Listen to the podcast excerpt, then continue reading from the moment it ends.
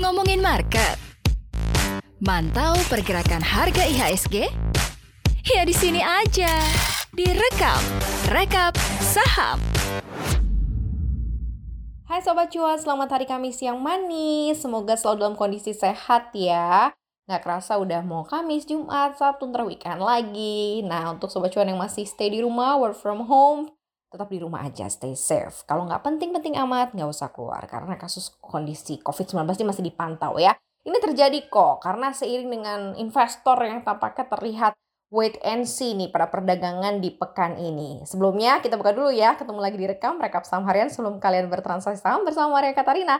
Sudah ngomongin indeks, langsung aja kita lihat bahwa ada beberapa sentimen global yang cukup mempengaruhi kondisi psikologisnya investor yang wait and see. Termasuk di antaranya adalah arah kebijakan The Fed dalam FOMC meetings pekan ini yang diproyeksikan masih akan dovish dan menunda kenaikan suku bunga. Selain itu, pasar juga tampaknya masih mencermati perkembangan kasus COVID-19 di Indonesia, sehingga investor ini masih cenderung dalam positioning and see. Meskipun begitu, transaksi kita lumayan meriah kok 12,4 triliun rupiah sepanjang perdagangan kemarin dengan apresiasi di 187 saham yang mengalami penguatan. Saham Arto masih jadi incaran asing dengan kenaikan 4,6 persen sepanjang perdagangan kemarin, diikuti juga Inco 0,47 persen dan juga ada LPPF Matahari Department Stores yang sedikit terkoreksi 1,4 persen. Nah, Sobat Cuan gimana nih untuk portofolio saham Sobat Cuan? Mudah-mudahan masih tetap aman. Kalau sudah cuan langsung realisasi, pindah ke coba ke lain stocks. Masih ada banyak opportunity ke depan. Langsung aja kita mulai. Apa saja yang masuk ke dalam radar rekam hari ini? Next. Ada Carut Popan Indonesia Cepin yang berencana membagikan dividen 1,8 triliun rupiah dan rencana ini sudah mengantongi persetujuan pemegang saham dalam rapat umum pemegang saham tahunan yang digelar Senin kemarin di mana sepanjang tahun 2020 Cepin ini sudah membukukan laba tahun berjalan yang dapat didistribusikan kepada entitas induk hingga 3,8 triliun rupiah. Selain dialokasikan untuk pembagian dividen, sisa dari laba akan dicatat sebagai laba bertahan perseroan. Mengutip data dari RTI Business, dividen payout ratio atau DPR dari Cepin atas laba tahun 2020 itu lebih tinggi jika dibandingkan dengan DPR di atas tahun di atas laba tahun 2019 yang sebesar 36,49 persen. Adapun dividen yang dibagikan atas laba tahun buku 2019 tercatat lebih mini, sebesar Rp81 per saham. Dari rencana tersebut, Cepin berhasil menggait para investor dengan penguatan 1,2 persen, ditutup di level 6.325 rupiah per saham pada perdagangan kemarin. Heh, Sobat Cuan ketinggalan gak? Coba dilirik-lirik Cepinnya ya. Kita ke info selanjutnya. Next. IFC, anggota kelompok Bank Dunia akan menginvestasikan hingga 31 juta US dollar atau setara dengan 451 miliar rupiah kepada PT Adi Sarana Armada Tbk ASSA. Selain mengembangkan bisnis utamanya dalam sektor leasing kendaraan bermotor, ASA ini juga berencana memperluas sektor pelayanan logistik pengiriman ekspresnya melalui PT Tri Adi Bersama atau yang dikenal dengan nama Anter Aja dan perluasan layanan logistik bagi sektor e-commerce di Indonesia. Dan melalui pendanaan kepada ASA dan juga dukungannya terhadap peningkatan cakupan layanan dan teknologi antar aja, kemitraan IFC dan juga ASA ini diharapkan bisa membantu mempercepat pengembangan ekosistem antar aja menjadi solusi pelayanan logistik berkualitas tinggi dengan biaya efisien untuk mengatasi kesenjangan kebutuhan logistik. Investasi IFC dalam bentuk pembelian obligasi konversi yang tercatat di pasar modal selama 2 tahun dan tanpa bunga yang diterbitkan melalui penawaran hak memesan efek terlebih dahulu oleh ASA.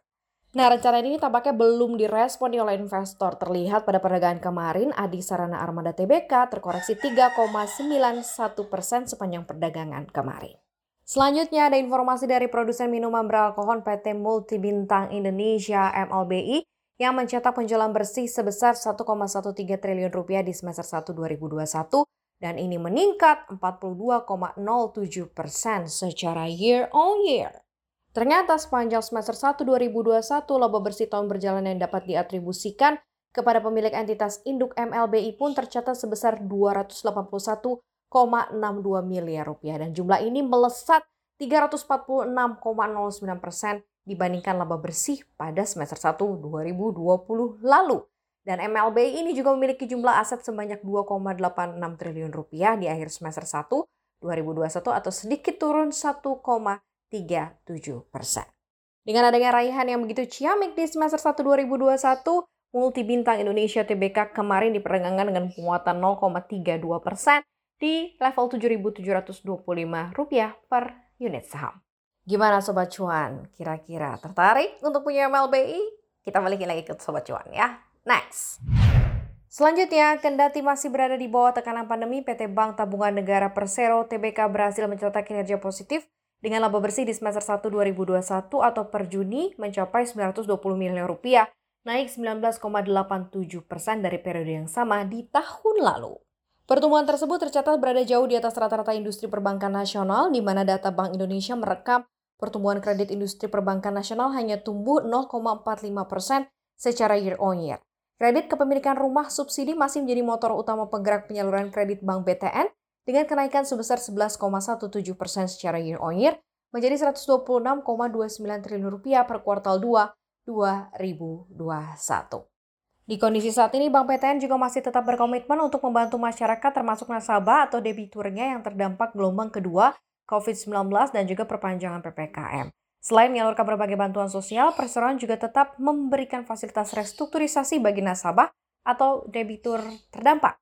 Dan perseroan juga memproyeksikan restrukturisasi masih akan terus menunjukkan tren penurunan hingga akhir tahun 2021. Bank BTN kemarin ditransaksikan dengan koreksi 2,24 persen, ditutup di level 1.310 per unit saham.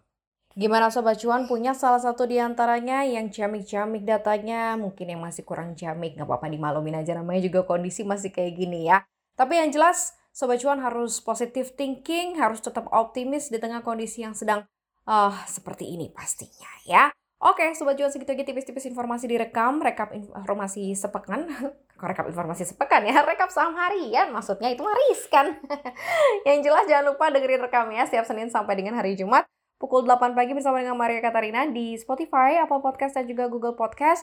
Jangan lupa untuk selalu follow akun Instagram kita di @cuap underscore cuan dan juga follow YouTube channel kita di cuap cuap cuan. Nah, kalau sobat cuan masih pengen tahu dan detail, pengen detail lagi tahu informasi yang mendalam, langsung aja klik di www.cnbcindonesia.com. Oke, selamat bertugas hari ini buat Sobat Cuan yang bertugas. Selamat bertransaksi. Jangan lupa sarapan. Kita ketemu hari Jumat besok. I love you all. Bye-bye.